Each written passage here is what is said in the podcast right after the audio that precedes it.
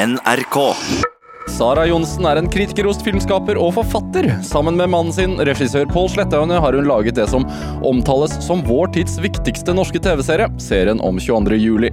Hun har brukt seks år av livet på den, men akkurat nå gleder hun seg aller mest til den er ferdigvist på TV, så hun kan gå videre. Dette er Drivkraft med Vegard Larsen i NRK P2.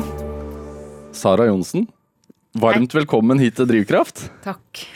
Hvordan eh, har du det? Jeg har det bra. Jeg har eh, sovet litt dårlig, men ellers har jeg det veldig bra. Er det øh, Altså, jeg tenkte femte episode av serien ble vist i går. Har det noe av skylden for at du har sovet dårlig? Ja, jeg har egentlig sovet dårlig hver eneste sånn søndag til mandag siden den serien har blitt vist. Hvorfor det?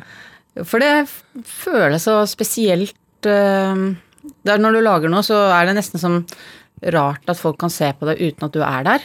Det er vanskelig å forklare. Men, du er jo ikke til stede på alle kinovisningene? Nei, nei, men da, da er det på en måte premieren, og da sitter du der, og så når du går fra premieren, så tenker du ok, nå er det goodbye.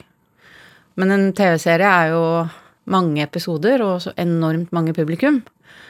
Så Nei, det bare Det bare Det er så rart noe som du har hatt så nært og jobbet med så lenge og sett på og sett på og sett på igjen og igjen og igjen så mange ganger og flikket på hver eneste lille bilde, hvert eneste setning, hver Alt er Har du jobbet med så lenge, og så plutselig vet du at det Ja, det, det er der, på en måte, selv om ikke du er der, så er det hos veldig mange. I stua. I stua, ja. Som er veldig personlig, egentlig. Nesten, Ja. Det er mye mer personlig det enn en kinosal. Ja, det er jo det. Men hva er det som kverner, da, som gjør at du ikke får sove? Uh, nei, altså det, det er ikke liksom én tanke eller én følelse. Det er bare en sånn uro, på en måte.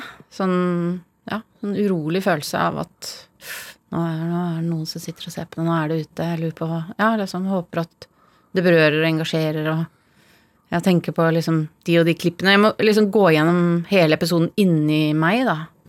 Inni hodet. Så går jeg liksom gjennom Akkurat som man går en tur, så går jeg liksom gjennom hele episoden og alle replikkene og sånn. Men er det frykten for å ha gjort noe galt, eller er det hva Ja, det var jo kanskje det de, når de første episodene kom. Da var vi veldig spente, Pål og jeg. Og da var vi helt sånn Hvordan var det hjemme hos dere, da? Første Eh. episode? Det var jo eh, Vi får ikke lov å snakke om det så mye, da, for vi har jo barn som syns det er fryktelig kjedelig, og at vi er veldig sånn kjedelige å høre på. Men vi var veldig, veldig, veldig spente etter første Det var jo første og andre episode samme dagen, og så fikk vi sånn sinnssykt mange SMS-er. Sånn helt utrolig hyggelig av folk som ikke er våre sånn nære venner eller sånt, som hadde blitt berørt av den og syntes den var bra. Så da, da fikk vi liksom ikke sove, og så ble det veldig sånn Har du fått noe mer? Man, man blir jo litt sånn Hva skal jeg si? Det er ikke bare positivt å bli avhengig av positiv feedback. Man kan bli litt sånn ja, passiv av det nesten, men litt sånn needy, da. Ja. Er det ekstra nerver involvert pga. på grunn av tematikken også, eller? Ja, det er selvfølgelig kjempeviktig. Når man er, vet at man lager noe som er så, så hardt for så mange å se, og som så mange har et helt annet forhold til enn de fleste av oss, tross alt. Så det, men vi har heldigvis hatt en veldig sånn god dialog med støttegruppa. Så ligget i forkant og Vist i forkant. ja, så Eller vi har vist til styret, og så har de på en måte tatt Fått et skriv hvor, hvor det står liksom hva som er ekstra vondt, da, i hver episode. Så de kan være forberedt, i hvert fall. Men, men sitter du og, og ser på Så satt du og så på episoden i går da den ble vist? Nei, jeg ser det ikke hjemme. Jeg ser, jeg ser det faktisk på Mac-en, eh, med høretelefoner og sånn. ok, hvorfor det? Nei, fordi ja, Hvorfor det, egentlig? Jeg er også veldig redd for at det skal være noe feil. Noe teknisk feil. Og at det liksom Ja, nei, jeg klarer ikke å forklare det.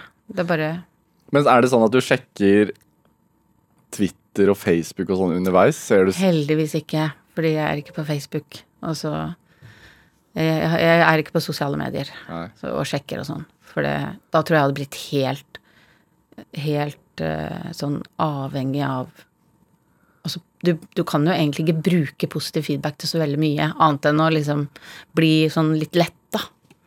Så nei, det er jeg ikke. Nei, så det er en slags selvforsvar? Det er selvforsvaret. Helt klart. Jeg sjekka, jeg sjekka Twitter i går, da. Ja. eh, Etter at episoden var vist. Og, en seer f.eks. skrev at maken til opprivende, formidabel ting å se på. Dritvondt, men veldig, veldig bra.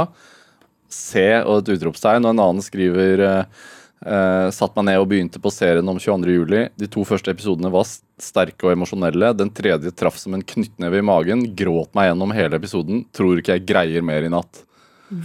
Hvordan Altså, hvordan er det å få sånne tilbakemeldinger? Det som jeg er glad for, er at vi har brukt så lang tid på å jobbe med det, og hatt den tiden som jeg tror man trenger for å jobbe akkurat med en sånn type serie, da, til å tenke og gjøre research og Vi har jo snakket med veldig mange mennesker og prøvd hele tiden å forsikre oss om at dette skal være tett på sannheten. Dette skal være så tett på virkeligheten, og vi skal prøve å få med mange perspektiver. Sånn at eh, at det er vondt å se på, det er jo Det er jo en veldig vond Det, er jo en tragedie Det er jo så forferdelig, det som skjedde, så det, det går liksom ikke an å lage det på en måte som ikke gjør at man blir trist av å se på det. Så man- Dere har, ja, det er nettopp det. Man har ja, For jeg merket jo det selv også, som seer. Og jeg er veldig glad i å, å se TV-serier og, og film, og også veldig sterke drama. Jeg, jeg liker det, for jeg føler at det gjør livet mitt ofte rikere. Jeg lærer noe når jeg ser det. Men jeg merker at det, det var en terskel jeg måtte over for å sette meg ned og se på 22. juli, og det, det tror jeg er en, er en opplevelse jeg deler med veldig mange. Altså sånn, Orker jeg å gå inn i dette her igjen? Eller orker jeg å se på det? Orker jeg liksom å få det detaljert beskrevet?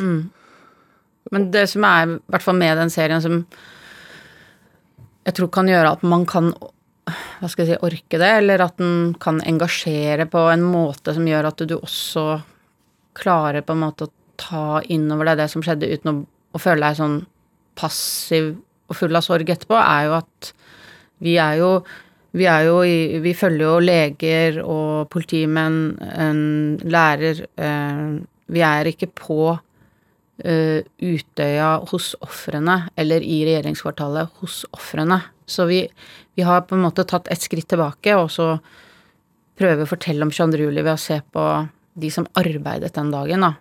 Og, og sånn sett så tror jeg at, at mange kan orke å se på den og føle at den er viktig, og så allikevel få en inntrykk av hvor forferdelig det er, men at det liksom Det er en måte å fortelle på som gjør at det er mulig å, å se på det, da. Mm. Det er jo et jeg, jeg tenker jo Man har jo alltid et ansvar når man velger å, å fortelle sanne historier.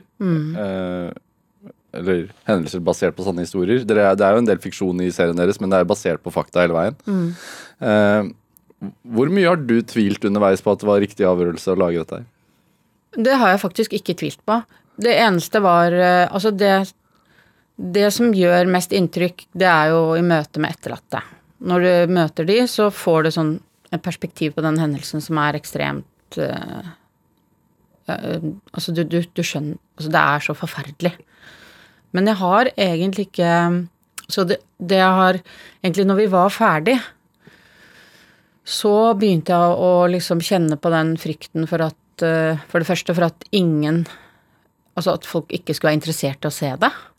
De skulle være sånn nei, det orker jeg ikke, og det er lenge siden, og det har vi jo vi har hørt nok om og sånn. Og at det eneste jeg skulle gjøre, var bare å gjøre vondt verre for de som har mista. Det hadde jeg Men da var jeg helt Det var etter at vi var ferdig. Så jeg hadde heldigvis ikke den underveis. Men det var fordi at det var hele tiden så mange Da var det for seint å, å, å snu, nesten. Ja, det var for seint å snu. men jeg, jeg sa det til Paul Lahl, som skjønner vi egentlig hva vi har gjort? Skjønner vi egentlig hva vi har jobba med? Men Hva svarte Paul da? ja, han, han kjente på den, han òg, at uh, det var Det var uh, Det var liksom overveldende, på en måte. Men mens du er i en prosess og jobber, så jobber du jo på en måte veldig med liksom det du skal lage, og, og i, i researchfasen og alt, så var det jo hele tiden så mange sånn engasjerende og interessante ting som vi fikk vite, selv om det var triste ting. så var det liksom Føltes veldig viktig, da. Hele tiden. Og ja, men det er jo så viktig. Hva er det du fikk vite underveis? da som du tenkte, Et eksempel, for eksempel, som du tenkte sånn Dette må jeg fortelle. Det første som vi tok fatt i, var jo egentlig den sykehusfusjonen på Ullevål. Og øh, liksom hvordan hele det sykehuset var under sånn ekstremt økonomisk press, og hvordan legene følte at øh, de ikke ble hørt, at politikerne ikke hørte på dem, og at øh, du har på en måte sånne systemer i Norge som er offentlige systemer, hvor de som faktisk jobber hva skal man si, på gulvet, da, det er politi eller leger eller lærere, for den saks skyld, føler at de blir pressa inn i et sånt system hvor de ikke kan egentlig gjøre jobben sin så bra som de vil. Og det, det syns jeg var superengasjerende. Mm. Og, og, litt sånn en, sjokkerende. I, I første episode eller noe sånt, hvor, hvor eh, Aftenposten-journalisten har fått tak i dette skupet om Ullevål sykehus og mm. sier noe sånt som at eh, de som sitter med regnearkene, ser på sykehuset som en fabrikk, og de mm. pasientene bare som, mm. som, som uh, varer inn og ut. Mm. Det er, eh, det er sant, det, altså. Ja. Det, det, er sikkert noen som ville si at nei, nei, det er ikke sånn, og det er ikke så svart-hvitt og sånn, men Og vi har jo valgt på en måte å snakke med de vi har snakka med. Så vi har jo sikkert ikke fortalt hele bildet og gått sånn veldig grundig til verks. Men øh, jeg tror vi peker på en sånn tendens som er veldig sterk, da. Og, også, det, og det står jo om det i Gjørv-rapporten også, hvordan politiet ble styrt, og det syns jeg var veldig sånn lære, altså lærerikt og engasjerende og opprørende, rett og slett. Hvorfor, hvorfor var det viktige eh, temaer å ta tak i for deg? Ja, det kan du si, det vet jeg ikke. Men det som jeg tror jeg var opptatt av, var at når, jeg, når 22. juli skjedde, så ble jeg veldig, veldig opptatt av 22. juli og den hendelsen. Og den hadde veldig mange forskjellige ikke sant, historier i pressen hele tiden, og nye ting som kom opp. Og det var jo um, Hele det året fram til rettssaken så, så, var man liksom med på veldig mange forskjellige, hva skal jeg si, følelsessvingninger, da.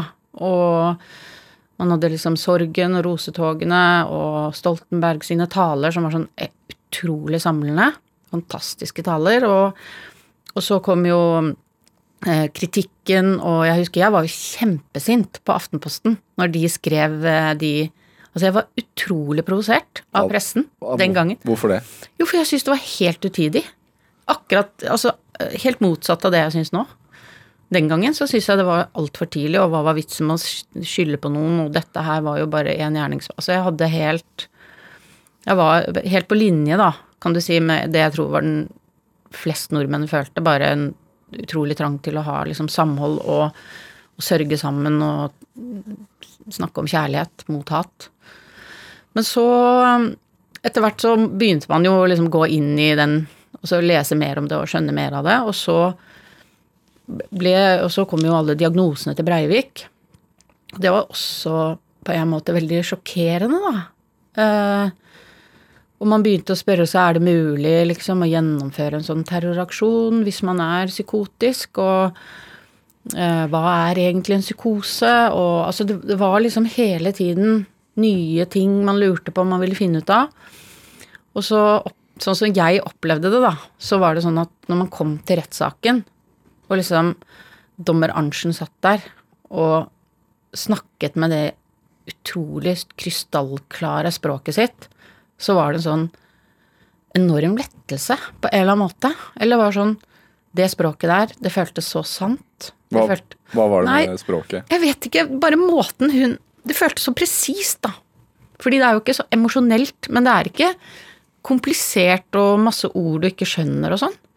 Det er jo det spørsmålet, Altså, måten hun snakker til gjerningsmannen på, er jo veldig sånn direkte, konkret. Ja, du heter det og det, du bor der og der, og du arbeider ikke. Det er jo noe av det første hun sier til han. Og så det at hun satt der som en norsk kvinne, dommer, mens han på en måte representerte og har jo et syn liksom i Ser jo på en måte Skriver jo manifest at kvinner bør helst holde seg til kjøkkenbenken, liksom. Så sitter hun der som en sånn utrolig tydelig autoritet og også veldig sånn man kunne se opp til, da. Det føltes som en veldig sånn god, hva skal jeg si Legende prosess. At de tok, det tok jo så lang tid òg. Hele den prosessen. Jeg vet ikke, i, i går så så de i den episode fem, så sier hun kona til politimannen de skulle jo bare skutt den. Og det var jo det jeg følte òg. Hvorfor bare skjøt jeg han ikke? Fordi hvorfor skal vi liksom drive og være putte han i fengsel og høre på han og sånn? Men, men så etter den rettssaken så skjønte jeg jo veldig godt hvor glad jeg var for at eh, vi har det systemet, da. Mm. Du, du, du sa at du ble altfor opptatt av serien. Nei, av, av hendelsen. Jeg er ikke altfor opptatt, men jeg ble veldig opptatt av hendelsen. Men du var til stede i rettssaken? Og... Jeg var litt til stede en gang i, i selve salen. Og, og og liksom var veldig liksom spent på hvordan det skulle være. Og så var det på en måte så verdig og rolig og Nei, jeg vet ikke. Det, og så var det en sånn sal ved siden av hvor, man, hvor hvem, hvem, som helst kunne komme og sitte og se direkte på storskjerm. Så det var også så Jeg vet ikke. Åpent og på en måte Nei, det var liksom Jeg tenkte oi, jeg skal ta det liksom, Jeg følte at det, mm, det var veldig bra bra vi har et sånt rettssystem i Norge. Hvorfor var det viktig for deg, tror du, å, å lese om det og følge med og være til stede der nede og sånn? Det er vanskelig å si. Jeg var liksom Jeg ble på en måte så opptatt av det. Jeg hadde jo ingen som jeg kjente som var der på Utøya eller i regjeringskvartalet. Jeg mistet ingen av mine, mm. men det kunne så lett vært min datter som var på Utøya. Altså, hun kunne vært på Utøya. Hennes bestevenn skulle vært på Utøya. Så det var sånn Man kjente veldig på den nærheten til til de som hadde mista, og de som var ramma, da. Så jeg tror kanskje det var noe med det. Tror du det er behov for å kunne Altså, man har jo et, som menneske så har man et behov for å kunne forstå. Ja. Er, tror det er det var en drivkraft der? Ja, jeg tror det. At jeg ville forstå det, og at jeg ville Det var rart òg, fordi han gjerningsmannen hadde jo vokst opp på Skillebekk. Uh, på Silkestrå. Og gått på samme skole som jeg flytta til fra bygda. Så det var så mange liksom, At han var liksom fra vestkanten i Oslo. Det var liksom mange ting som han kunne relatere til. Og det gjorde det kanskje ekstra sånn viktig å prøve å forstå det. Mm. Er, det er det litt sånn symptomatisk med deg som, som forteller? At du ønsker å forstå liksom, menneskelig syke generelt? Mm, det vet jeg ikke. Om jeg kan si ja, kanskje. Ja. jeg tenker altså um, det, det, er, det, er, jo et nasjonalt traume, dette her. Og så, og så, er det mange som er veldig nært berørt. Hva, hva, hva, håper du, eller dere, at serien fører til? Det som jeg i hvert fall Og jeg tror veldig Pål også, for vi er jo veldig sammen om det. Vi har virkelig lagd det veldig sammen, også med flere andre. Så vi er liksom ikke bare oss to, vi er jo en liten gjeng. Um, håper på er jo at for det første at dette skal være en serie som i tillegg til 22. juli-senteret og alle bøker og alt sånt skal gjøre at vi ikke glemmer 22. juli, og at, at liksom samfunnet tar det inn over seg at det har skjedd, og at unge mennesker også uh, kan se den serien og lære noe, da. Fordi det er jo veldig lett at historien om hva som har skjedd, blir forvridd, og at hvis den ikke blir passet på, så plutselig er det noen andre som stjeler den historien og sier at nei, men det var ikke sånn, det var egentlig annerledes, det var ikke så mange som døde, eller det var egentlig planlagt, og man ser jo det på noe som folk skriver og sånn, at de kommer allerede med løgner om 22. juli, om hvordan det var og sånn. Så jeg syns det er viktig at folk husker det. Mm. Jeg tenker jo, Vi er jo voksne, og vi var jo voksne da det skjedde. Mm. Men det er jo en oppvoksende generasjon i dag som enten var veldig små mm. da det skjedde, eller som, som ikke levde engang. Mm. Som jo bare har et forhold til det at det var noe som skjedde for lenge siden. Mm. Ja. Så for dem er det kanskje ekstra viktig å se. Ja, og det er, det er jo faktisk også viktig i forhold til det å hedre og liksom huske de ungdommene som døde. Det er jo helt forferdelig. Det var jo sikkert mange store politikere der som vi mistet, da. Ja. Jeg tenker det er vanskelig å prate om. Det må være veldig vanskelig å gå inn i og lage TV-serie av. Ja, men siden vi har det perspektivet, så har vi på en måte Har det ikke vært så vanskelig sånn sett, fordi f.eks. For når du snakker med leger som har jobbet på akutten, så er jo ikke de noe emosjonelle, sentimentale i forhold til sin egen opplevelse. Altså, de er jo superprofesjonelle og snakker mer om hvordan man jobber i en sånn krise. Og det som jeg syns da blir på en måte seriens styrke, er at vi klarer å vise omfanget av terroren. Altså at, at vi viser når ett menneske dør, så er det veldig mange andre mennesker som blir berørt og rammet av det dødsfallet. Og det er veldig Jeg håper liksom at den er veldig sånn antivoldelig og veldig humanistisk serie, da. Dette er Drivkraft med Vegard Larsen i NRK P2. Og i dag har vi serieskaper av TV-serien 22. juli, Sara Johnsen er hos meg, som jo har laget uh, denne serien sammen med mannen sin, Pål Slettaune. Uh, jeg, jeg tenker at ganske kort tid etterpå, uh, etter at eh, 22. juli skjedde, så var det jo en, en eh, diskusjon om når man kunne begynne å fortelle dette er som film eller i, i bøker. Altså, den diskusjonen begynte ganske fort. Sånn, når er det på tide å lage en film om det, eller en TV-serie, eller en- skrive en bok om det? Hva, hva var det som gjorde at, eh, at dere, altså du og, og Pål Slettaune, tenkte at dere skulle lage en TV-serie om dette her? Fordi dere pitchet det til NRK. Ja, vi var veldig var, Jeg var jo veldig besatt av det og leste en bok av en av de som hadde vært på Utøya, som heter Med hjertet mot steinen, som er veldig fin. Eh, og tenkte på en måte Det er vel sånn når du er forteller, så må du på en måte jobbe med det du er opptatt av, og det du er fylt av. Du kan ikke liksom ha en sånn fiks idé om at eh, jeg burde gjøre ditt og datt, og så klarer du liksom ikke å fylles opp med det. Så du må jobbe med det du er fylt opp av, det du tenker på. Men vi var veldig usikre på liksom hvordan. Men så så vi en amerikansk eh, TV-serie som heter Tremmy. Fra New Orleans. Ja. Hvor de, hvor de jobber på samme måten, egentlig. Altså du ser på Du er i randsonen av det som skjer. Altså det er en TV-serie, amerikansk TV-serie om et, altså hva som skjedde i New Orleans etter orkanen Katrina. Mm. Forårsaket massiv ødeleggelse og, og død der. Og så, og så var vi også påvirket av den serien som heter The Wire. Som på en måte også forteller historier gjennom systemer, altså fra skolevesenet, politivesenet, media. Altså vi hadde jo de to på en måte seriene i, som inspirasjon, da. Egentlig serier som sier noe om, mer om samfunnet. Det er ikke plott, Ja. plottdrevne serier, Nei. det er serier som sier om, noe, om samfunnet som helhet. Ja. Og hvordan systemene våre fungerer. Ja. Og så begynte vi med 2013, og snakket vi med en som heter Alice Ree, og så hun syntes det var en veldig god idé. Så at, eh, hvor, hvor skal vi, hvordan skal vi utvikle dette? Og det mest naturlige er å gå til NRK. Ja, For hun var produsent. Ja, hun var produsent. Ja.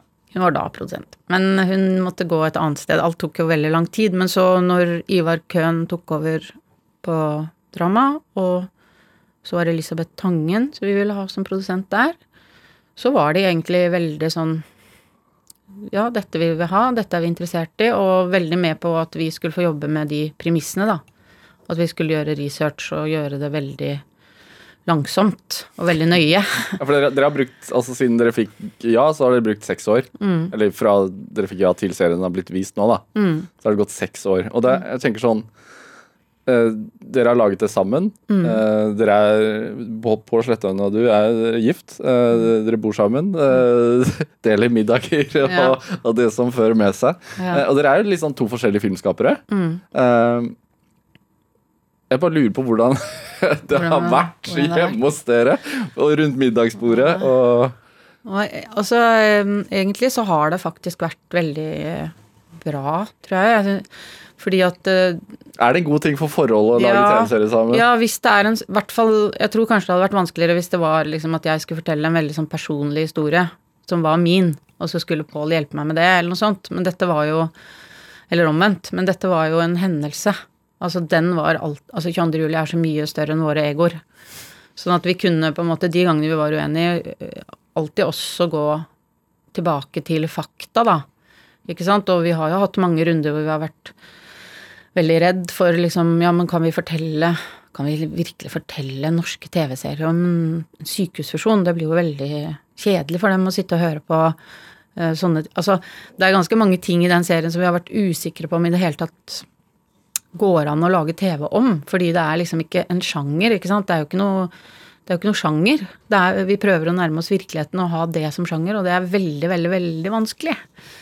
Men jeg syns ikke at det har vært noe dårligere for oss. Vi har eh, egentlig hatt alltid noe å snakke om, da.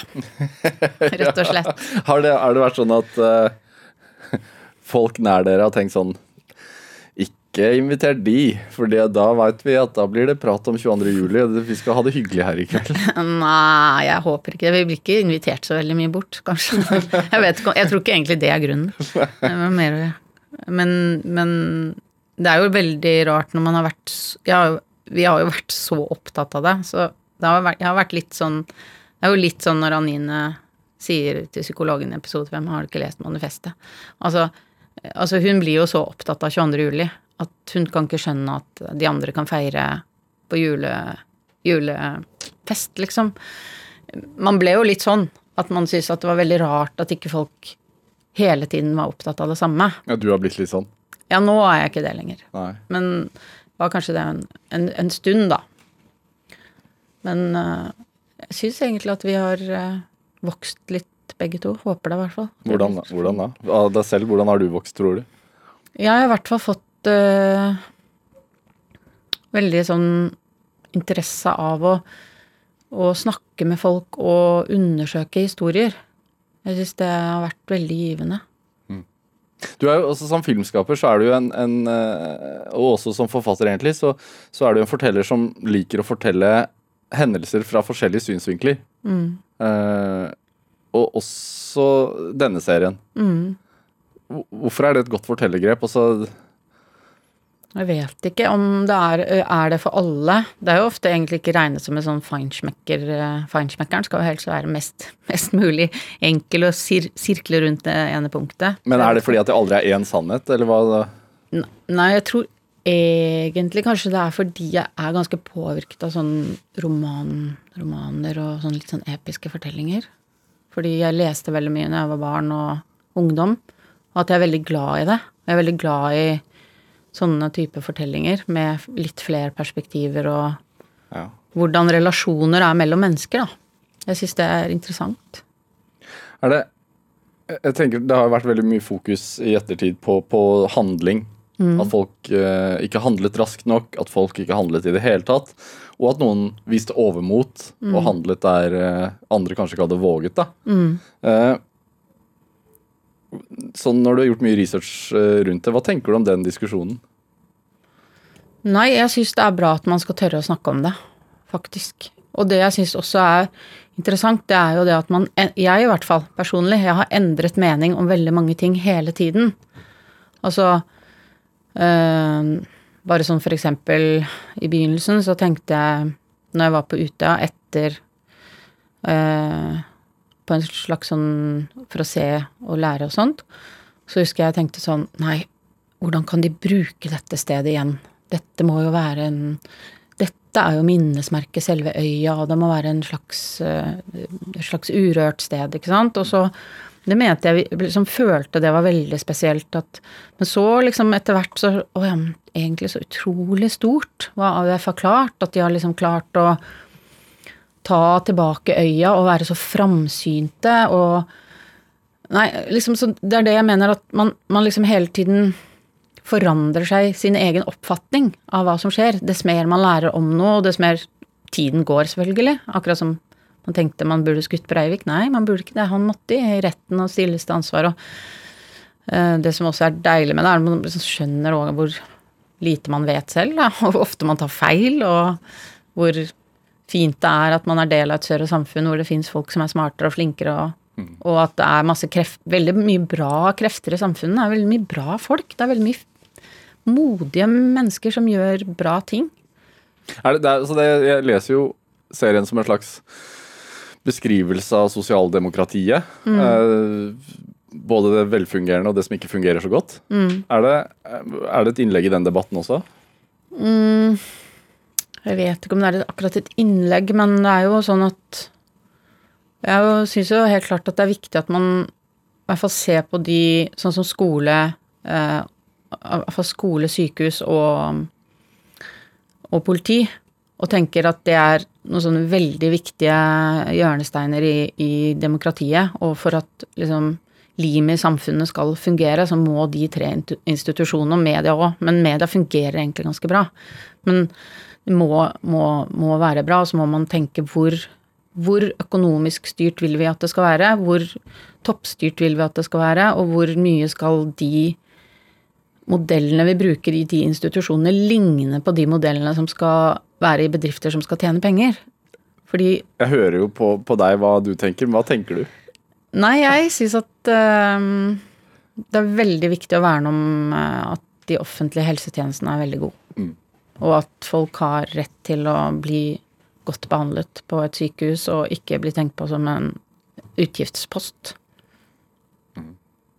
Tror du den serien vil forandre noe av det? Synet på det? Nei, det tror jeg ikke. Men jeg ser jo at det er en sånn diskusjon nå på New Public Management og hvordan om det egentlig tjener oss, eller om det kanskje blir en hemsko. Ja. Du, du selv, da? Hvordan tror du at du hadde agert i en krise? Dårlig, dessverre.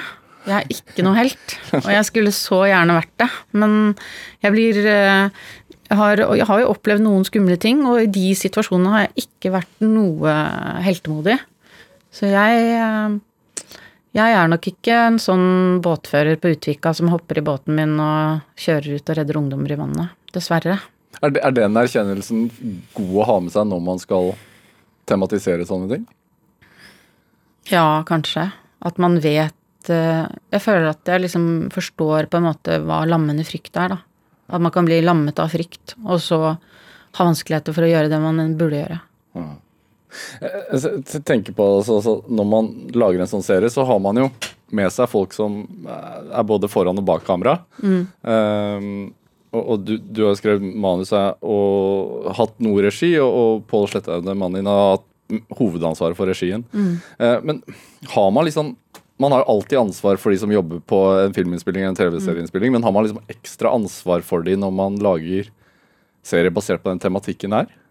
Ja, jeg tror, det, jeg tror det har vært eh, jeg tror, jeg tror kanskje NRK og de sjefene på en måte har følt mer på det enn oss. At vi har vært mer sånn krevende og harde og har sagt jo. Men, men vi har også fått folk til å jobbe Altså, alle har følt jeg, tror at alle i staben har tenkt at dette er veldig viktig, og det er veldig viktig at jeg gjør en god jobb, og jeg kan ikke slurve. Altså, fordi det er så mange detaljer som skal være riktige. Så jeg tror Jeg håper i hvert fall at alle som har vært med, opplever at når de ser serien, at det har vært verdt eh, alt det slitet som det var å lage den. Ja, For det har vært et slit.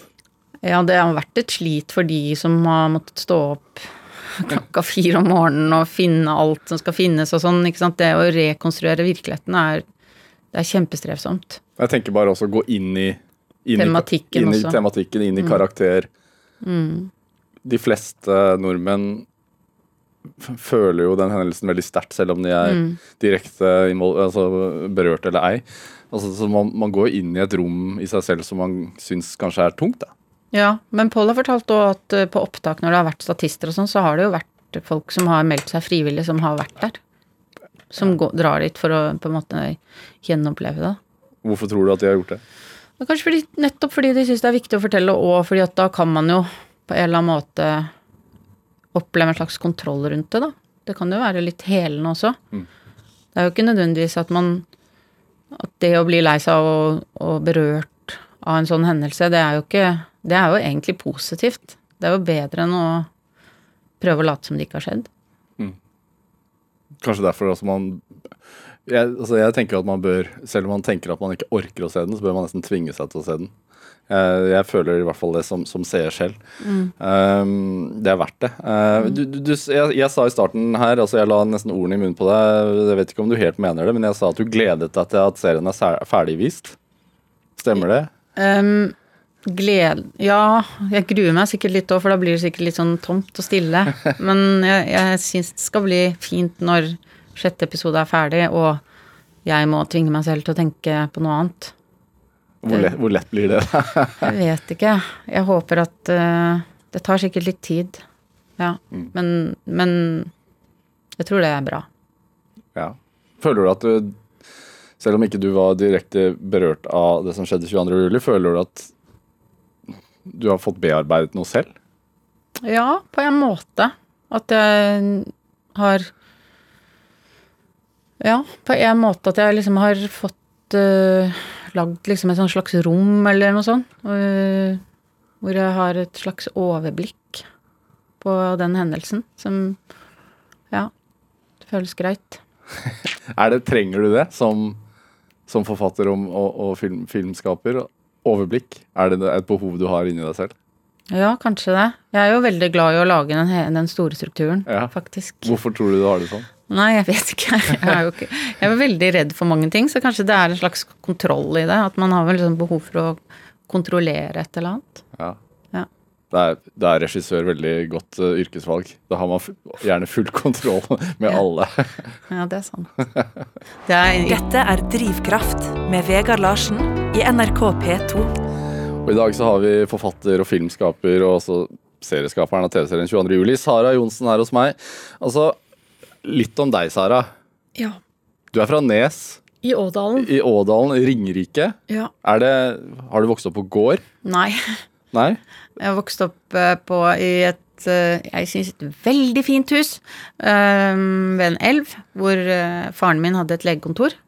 Hvor han var distriktslege. Eh, Litt sammen med mamma også, når hun ikke fikk nye barn. Ja, fordi hun fikk noen barn. Ja, hun fikk noen barn. Ja, det, hvor mange, dere er seks søsken? Ja, vi er seks stykker. Ja. Men moren din er lege, hun også. Ja, hun er også lege. Hva, hva, hvordan var det å vokse opp på, på, på Nes i Ådal? Jeg har aldri vært i Nes i Ådal. Nei, der har du gått glipp av noe. Nei, for meg så var det Det var jo spesielt, og sikkert mange ting som var vanskelige og sånt, men det var en enorm frihet, da. Og det var det som var eh, fint med den oppveksten, på en eller annen måte. At jeg hadde veldig mye frihet. Jeg tenker Når man er ett av seks barn, så, så får man automatisk mer frihet. Ja, det gjør man.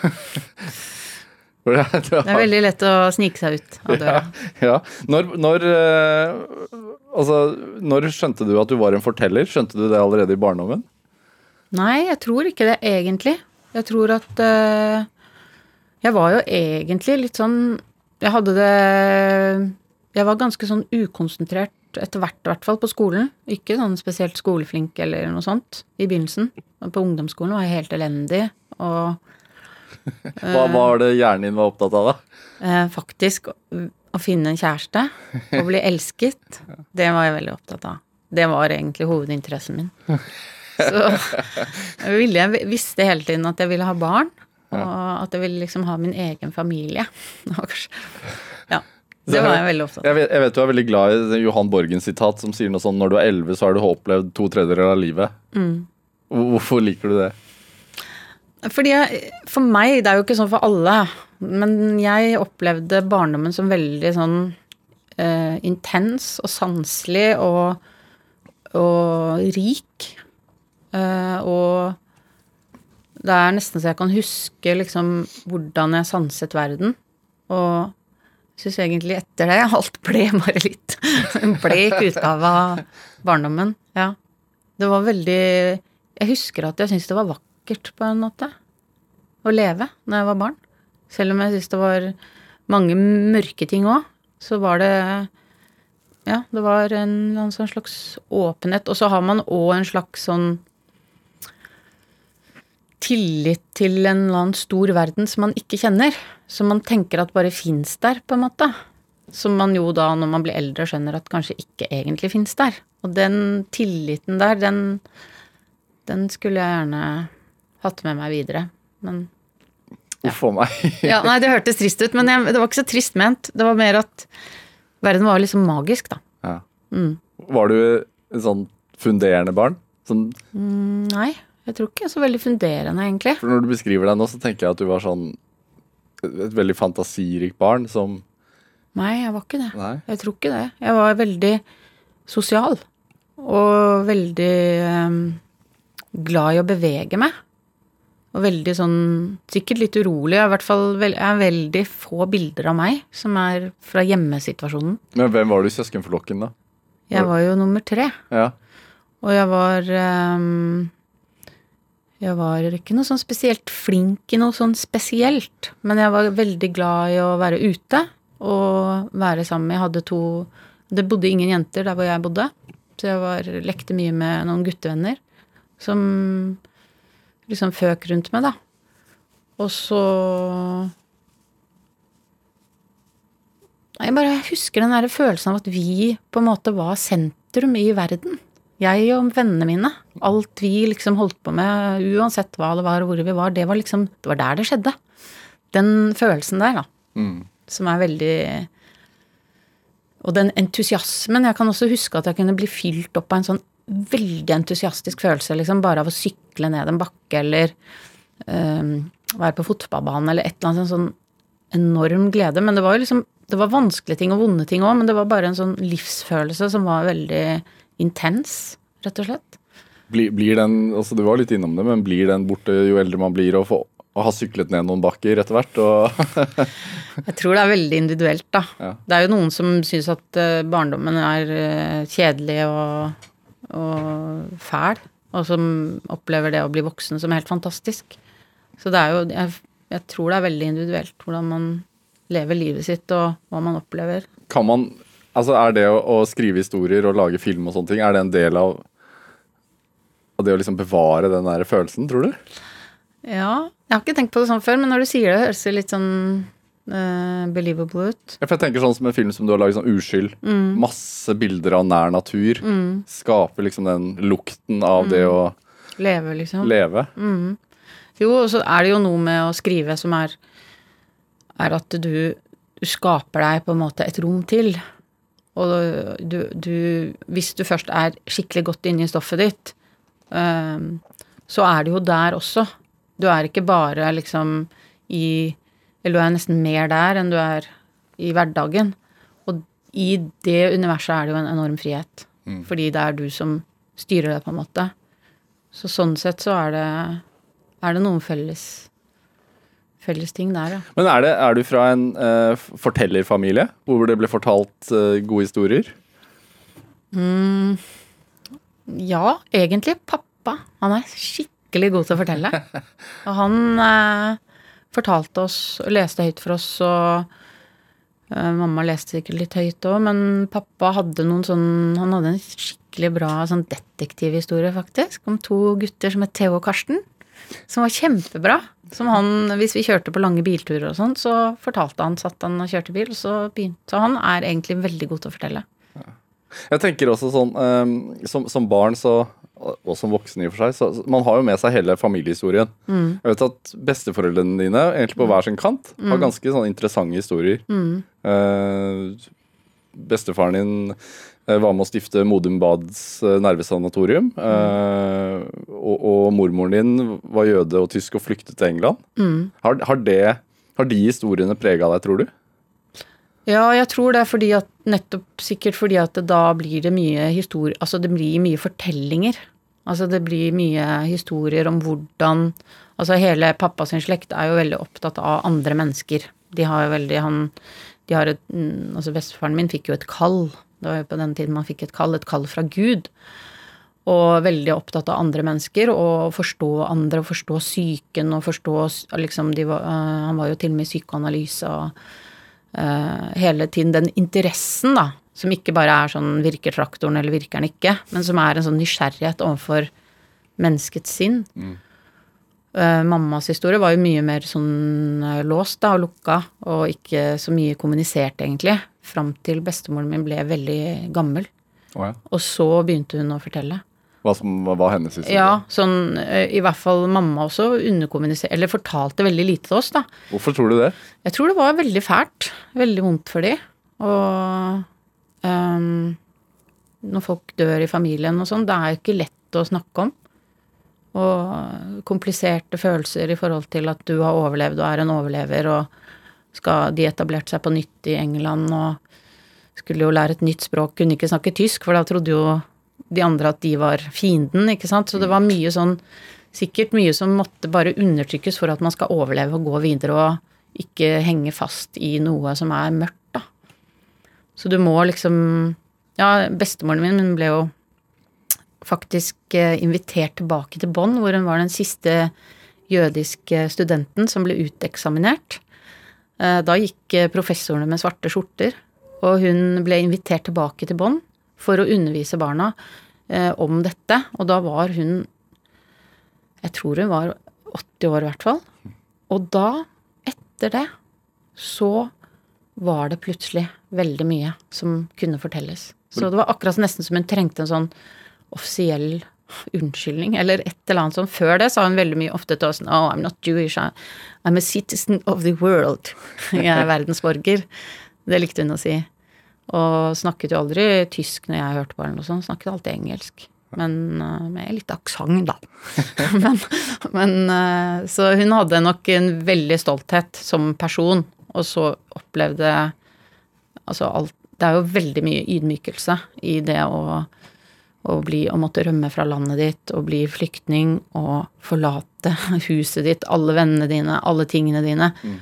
Uh, det er jo en sånn ydmykelse som er vanskelig å, å overkomme, da.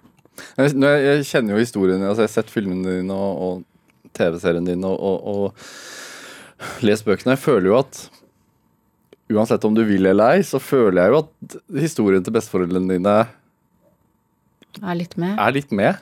Ja. Det, det, er de sikkert, for man er jo bare den man er. Ja. Så man er jo fylt opp av det man kommer fra. Ja. Som må ut. Som må ut. Dette er Drivkraft med Vegard Larsen i NRK P2. I dag har vi filmskaper og serieskaper og forfatter Sara Johnsen her hos meg. Lang, veldig lang introduksjon.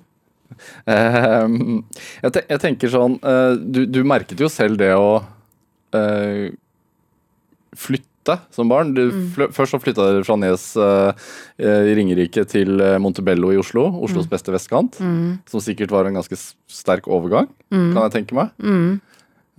kanskje mer den gangen nå, jeg vet ikke. Ja, det vet ikke jeg heller. Men hvordan, hvordan, var det for deg? Nei, det var litt sånn Det var ikke noe bra timing. For det var jo også rett akkurat idet man egentlig begynte å bli Nærme seg puberteten og bli tenåring. Og så var det var vi utsatt for ganske mye sånn skremselpropaganda på forhånd, da. At liksom Å, nå skal dere flytte dit, og stakkars dere, og det er så snobbete der, og, og, sånne ting. Så vi var jo litt redde. Hadde nok høye skuldre.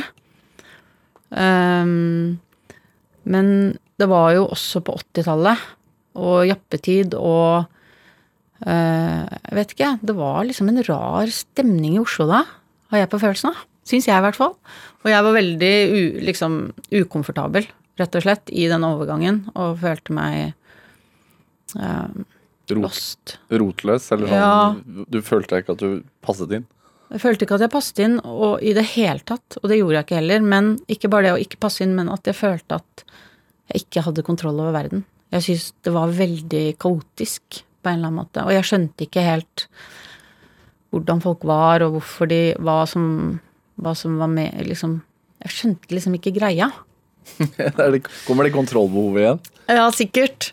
Og den følelsen av at man På en måte så følte jeg, husker jeg at jeg følte meg veldig mye mer voksen. At jeg syntes at de var veldig over, liksom sånn overbeskytta, mm, klassekameratene mine. At de var på en måte barnslig arrogante på samme tid. Og jeg hadde jo liksom hengt rundt på kroa på, på Nes i Ådal og sett på sånne Oslo-folk som skulle opp på hytta si med hundene som gikk på do. Altså vi, jeg hadde, var jo fordomsfull i utgangspunktet. Og så prøvde jeg iherdig å passe inn. Så jeg ble veldig sånn tøff, tror jeg. Tøff og teit, sikkert. Men det var jo masse hyggelige folk der også. Og en av mine beste venner traff jeg jo der. Ja. Som er fortsatt en av mine beste venner i dag. To av mine beste venner. Så det, og i, dag, og i dag, så er du i Oslo-boer? I dag er jeg Oslo-boer, ja. ja. Og syns det er greit? Veldig glad i Oslo. Syns det er en kjempefin by. Jeg syns det er den fineste byen i verden. Eh, men, men, det med flytting, for dere flyttet til Botswana også. Mm. Eh, var det fordi at moren og faren din var leger? Ja, da fikk pappa en sånn fiks idé om at vi skulle flytte dit. Egentlig med alle litt sånn mot seg. Og det er veldig rart å tenke på, for jeg så jo på han som så voksen og og liksom gammel og alt mulig sånn, men han var jo bare Jeg tror kanskje han bare var 40 år. Og ja, med seks barn, liksom. Ja, oi, det er bra jobba. Ja.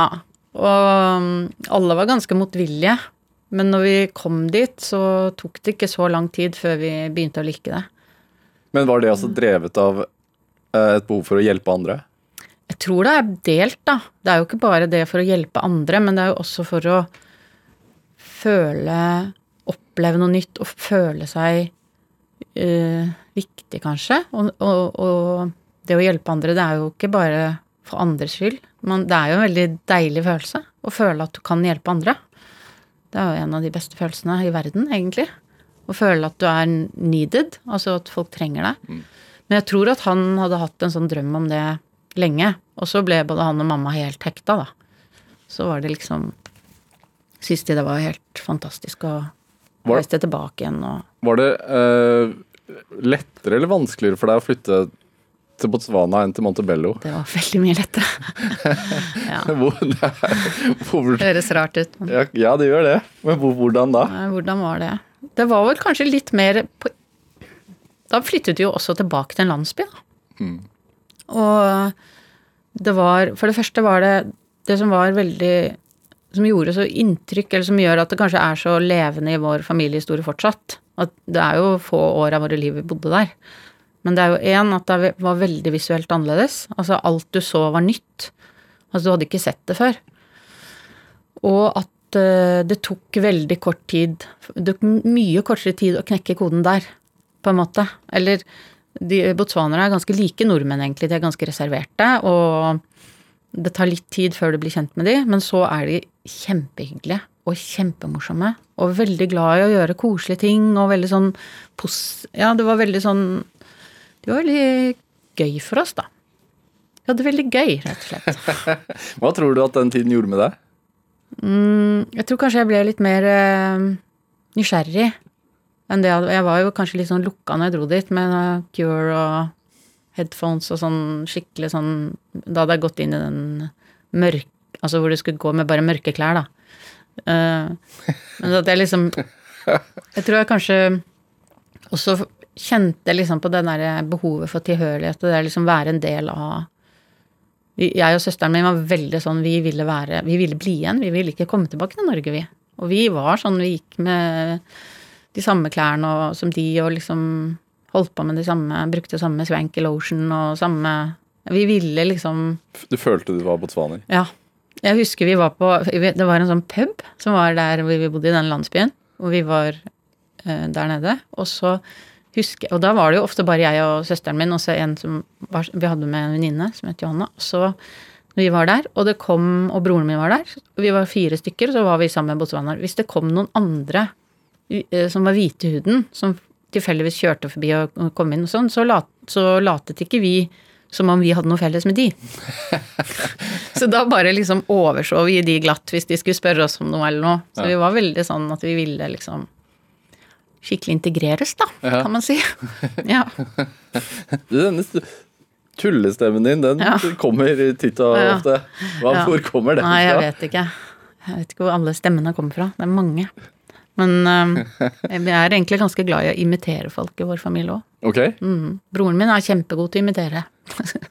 altså sku, skuespiller Emil Johnsen? Nei, storebroren. Storebroren, ja. Ivan, han er en stor, stor skuespiller, egentlig. Hvor, hvor tror du dette kommer fra i familien? For det er jo en kreativ gjeng. En sånn lekenhet Nei, jeg, det vet jeg heller ikke. Hvor det kommer fra. Det, altså, når man har reist altså, fra Nes til Montebello, det er ikke så langt på kartet, men også til Botswana og så hjem igjen, altså, tror du man blir bedre rustet til å liksom, vurdere samfunnet man er, er en del av når man har gjort noe sånt? Nei, det vet jeg ikke egentlig. Nei, men sånn som nå, nå har dere jo Altså mer nysgjerrig, kanskje, da? Nei, nei jeg, vet, jeg vet ikke. Man blir kanskje mer eh, Man blir jo kanskje mer nysgjerrig. Men jeg tror også det at jeg har blitt så veldig, veldig glad i Norge. Jeg var ikke noe særlig glad i Norge, egentlig, når jeg var ung. Og ville egentlig mye heller Var veldig opptatt av liksom, å tenke på at mamma er jo engelsk, og jeg er jo egentlig halvt engelsk, og jeg syns gran er så stygt, og vi feirer liksom Og har alltid sånn skjevt smil på 17. mai, og Men det at liksom etter at jeg har blitt eldre, så har jeg blitt utrolig glad i Norge. Og alltid så glad når jeg har vært borte og kommet hjem til Oslo, så bare ah, endelig Hva, Oslo. hva skyldes det, da? Jeg vet ikke hva det er, jeg. At man blir glad i landet sitt etter hvert, og ser over hvor fint det er, da. Norge er et kjempefint land. Det er utrolig mange hyggelige folk. Masse flinke folk. Masse bra systemer. Det er liksom Det er mange feil, men det er veldig mye bra òg. Ja. Jeg, jeg tenker sånn Og en ting som jeg syns er viktig med Norge, da, Ja. det er sånn For ofte det er sånn Ja, Norge er bra fordi Norge er så rikt. Men det syns jeg er så teit. Jeg sånn, Det er ikke det som gjør at eh, nordmenn er bra folk. Det er ikke bare fordi Norge er rikt, liksom, men det er fordi det er en slags Det er noe som er veldig bra i den norske kulturen. Hva er det, da? Tillit. At man egentlig stoler på hverandre. At det er stor sosial mobilitet. Altså, det er jo helt utrolig hvordan man, man kan i Norge Ja, se på Nå sitter Raja, er det det han heter? Altså vært inn og ut av barnehjem da han var liten, vokste opp i en veldig fattig familie. Nei, nå er han kulturminister. Altså hele den sosiale mobiliteten og den muligheten som egentlig er lagt inn i systemene for at alle skal kunne lære og ha liksom muligheten til å utvikle seg og delta og sånn, den er superpositiv og kjempe Vi må ikke glemme å skryte av den. Har det vært også noe av målet med, med 22. juli-serien? og vise at, at det fins? Ja, men jeg skal innrømme at i begynnelsen så hadde vi kanskje ganske mye sånn å, det er veldig viktig å ha med dette fordi vi må si sånn og sånn, men egentlig så har vi vært mest opptatt av bare å belyse den hendelsen Ja. og se hvordan den kan tale for seg selv. Har ikke hatt sånn sylklar politisk agenda, liksom. Helt, helt eh, kort til slutt, Sara Johnsen. Hva, hva tenker du er drivkraften din? Stort spørsmål helt på slutten. Det spurt, jeg, jeg vet ikke, jeg, jeg har liksom eh, no, Jeg har litt stemmer i hodet, litt uh, stemninger inni meg, litt ting som drar meg bort fra den virkeligheten jeg er i. Jeg tror det er egentlig det som er drivkraften min. Sara Johnsen, tusen takk for at du kom hit til Drivkraft. Takk. Hør flere samtaler i Drivkraft i NRK Radio på nett og app, eller last oss ned i din podkast-app. Følg oss gjerne også på Instagram på NRK Larsen. Send forslag til gjester jeg kan invitere til programmet, eller send en tilbakemelding på det du har hørt. Send en e-post til drivkraftalfakrøll.nrk.no. Kjartan Aarsand var dagens produsent. Jeg heter Vegard Larsen. Du har hørt en podkast fra NRK P2.